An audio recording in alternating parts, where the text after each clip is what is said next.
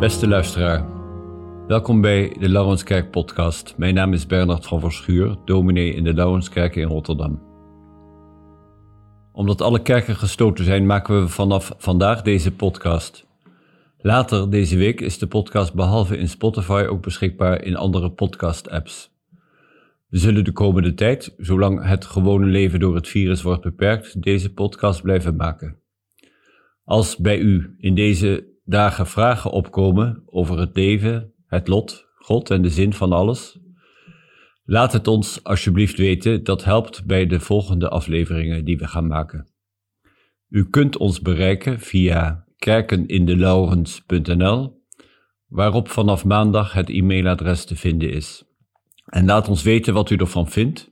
En als u het waardeert, neem dan een abonnement op de podcast in uw favoriete podcast-app. Mocht u daarbij problemen ondervinden, kunt u ons dat ook laten weten. De volgende Laurenskerk podcast komt op 29 maart online. In deze podcast hoort u eerst Hajo Boerema, vaste organist van de Laurenskerk, die een toelichting geeft op de stukken die hij speelt. Daarna zal hij het eerste stuk spelen, Attende Domine van Jean de Messieux. Daarna hoort u mij een verhaal over een preek uit 1853, toen er in Rotterdam een ernstige cholera-epidemie woedde. Tot slot speelt Hajo nog een stuk. Ik hoop dat u er met plezier naar luistert. Hier komt Hajo Boerema.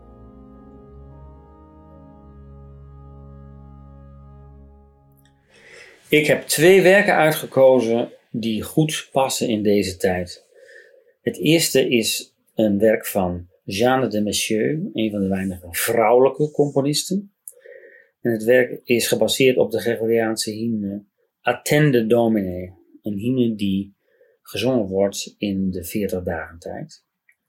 Het tweede is een werk van Louis Vierne, een componist die 150 jaar geleden is geboren.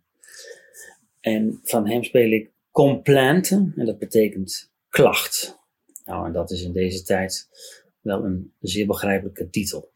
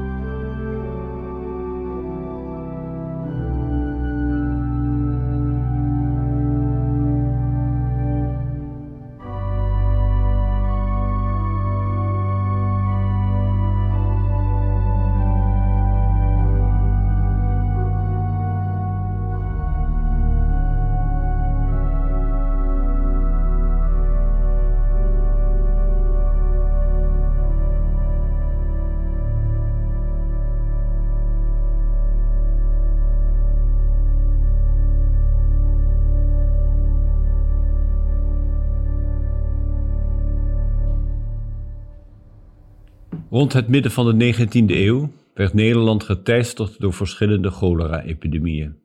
In 1848 stierven 22.000 mensen. Een paar jaar later, in 1853, diende een volgende epidemie zich aan. Acht jaar later volgde weer een nieuwe golf. Cholera was een ziekte die zeiden de mensen uit Azië kwam, maar de directe oorzaak was vooral gebrekkige of helemaal ontbrekende hygiëne. Na 1860 werd begonnen met aanleg van riolering in de steden en daarmee kwam aan de cholera in Nederland gauw een einde. Nu werd Rotterdam zeer door de cholera getroffen. De bevolking groeide in de 19e eeuw met duizenden mensen per jaar. In 1850 waren er in Rotterdam 100.000 inwoners. De Rotterdammers waren altijd gewoon geweest om water uit de sloten te drinken en diezelfde sloten ook als riool te gebruiken. Doorgewinterde Rotterdammers konden daar best tegen, maar nieuwkomers of bezoekers liepen er vaak diarree van op, een kwaal die in de volksmond de Rotterdammer werd genoemd. Met de bevolkingsgroei werd de toestand op het gebied van de hygiëne al nijpender. Over de cholera-epidemie in 1860 schrijft een latere onderzoeker dat het vooral de bewoners van de binnenstad betrof, rond de Hoogstraat en de nieuwere wijken rond de binnenstad, Kool, Rubroek en Blommersdijk. 2000 mensen werden ziek, van wie 1242 overleden. Het stadsbestuur besloot de kermis af te gelasten, maar verder deze niet zoveel. De getroffenen waren vooral mannen en de meeste van hen schippers, schippersknechten en showers uit de haven. Onder de 1242 slachtoffers werden één ingenieur en één makelaar geteld. De epidemie trof vrijwel uitsluitend de sociaal lagere klasse. Als je aan het einde van de Rotterdamse Maternesserlaan rechts afslaat en nog een keer de bocht omgaat, dan ben je in de Van Oosterzeestraat. Genoemd naar Johannes Jacobus van Oosterzee, die halverwege de 19e eeuw dominee van de Rotterdamse Laurenskerk was. Van Oosterzee was een kanseltijger, een preekmirakel. De grote Laurenskerk was zelfs voor hem te klein. Als hij op zondagmiddag preekte, zat de kerk ochtends al vol met mensen die na de dienst bleven zitten, zodat ze smiddags, als de dienst begon, zeker waren van een plaats. Er waren dagen dat Van Oosterzee aan 500 jongeren katerisatie gaf en diensten in de Lauwenskerk telden wel eens 6000 kerkgangers. Van Oosterzee was in Rotterdam geboren en nog maar 28 jaar oud werd hij als beroemde preker uit Alkmaar naar Rotterdam beroepen. Hij klaagde over de werkdruk. Men wordt op het laatst een platgebeukte stokvis gelijk. In 1862 kreeg hij de lang verwachte benoeming als hoogleraar in Utrecht.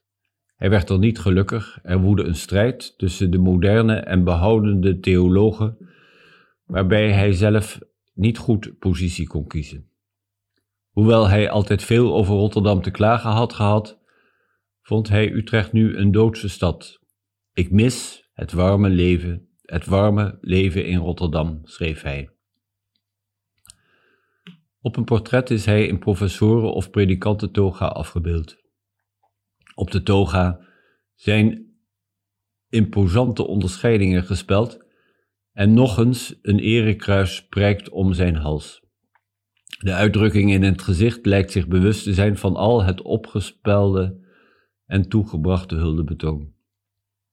Van Oosterzee stierf onverwacht terwijl hij aan het kuren was in de Duitse Wiesbaden. Hij is 65 jaar geworden. In de winter van 1853 hield dominee van Oosterzee een preek in de Laurenskerk naar aanleiding van de nieuwe uitbraak van de cholera. Gevreesd werd dat de ziekte weer met volle kracht in Rotterdam zou toeslaan. Net als in Egypte in de tijd van Mozes, zo begint van Oosterzee zijn preek, zo worden ook onder ons de vroegere straffen vervangen door nieuwe plagen. De verderfengel is over onze grens gekomen en wandelt in de duisternis door ons land. Maar de woningen zijn niet getekend die de engel voorbij zal gaan of binnen zal treden. Die engel des verderfs, vraagt Van Oosterzee zich af, wordt die door God naar ons gezonden of niet? Ja, weet hij zeker, Van Oosterzee, die engel komt van God, want de bode des verderfs grijpt niet in het blinde om zich heen, waar hij zijn slachtoffer stelt en velt in ons midden. Zijn reiskaart is door een hogere vinger getekend, voor hij aan zijn noodlottige wandeling begon. En als zijn zender hem roept, dan verschijnt hij, de bode, de verderfengel, met gebogen hoofd om te vragen, wat spreekt mijn Heer tot zijn knecht? God doet alles, zegt Van Oosterzee. Hij brengt alles in het geweer tegen de zonde. Zo wil hij de zondeslaaf wakker schudden uit zijn noodlottige sluimering. Het liefste willen we volgens Van Oosterzee er helemaal niet aan denken.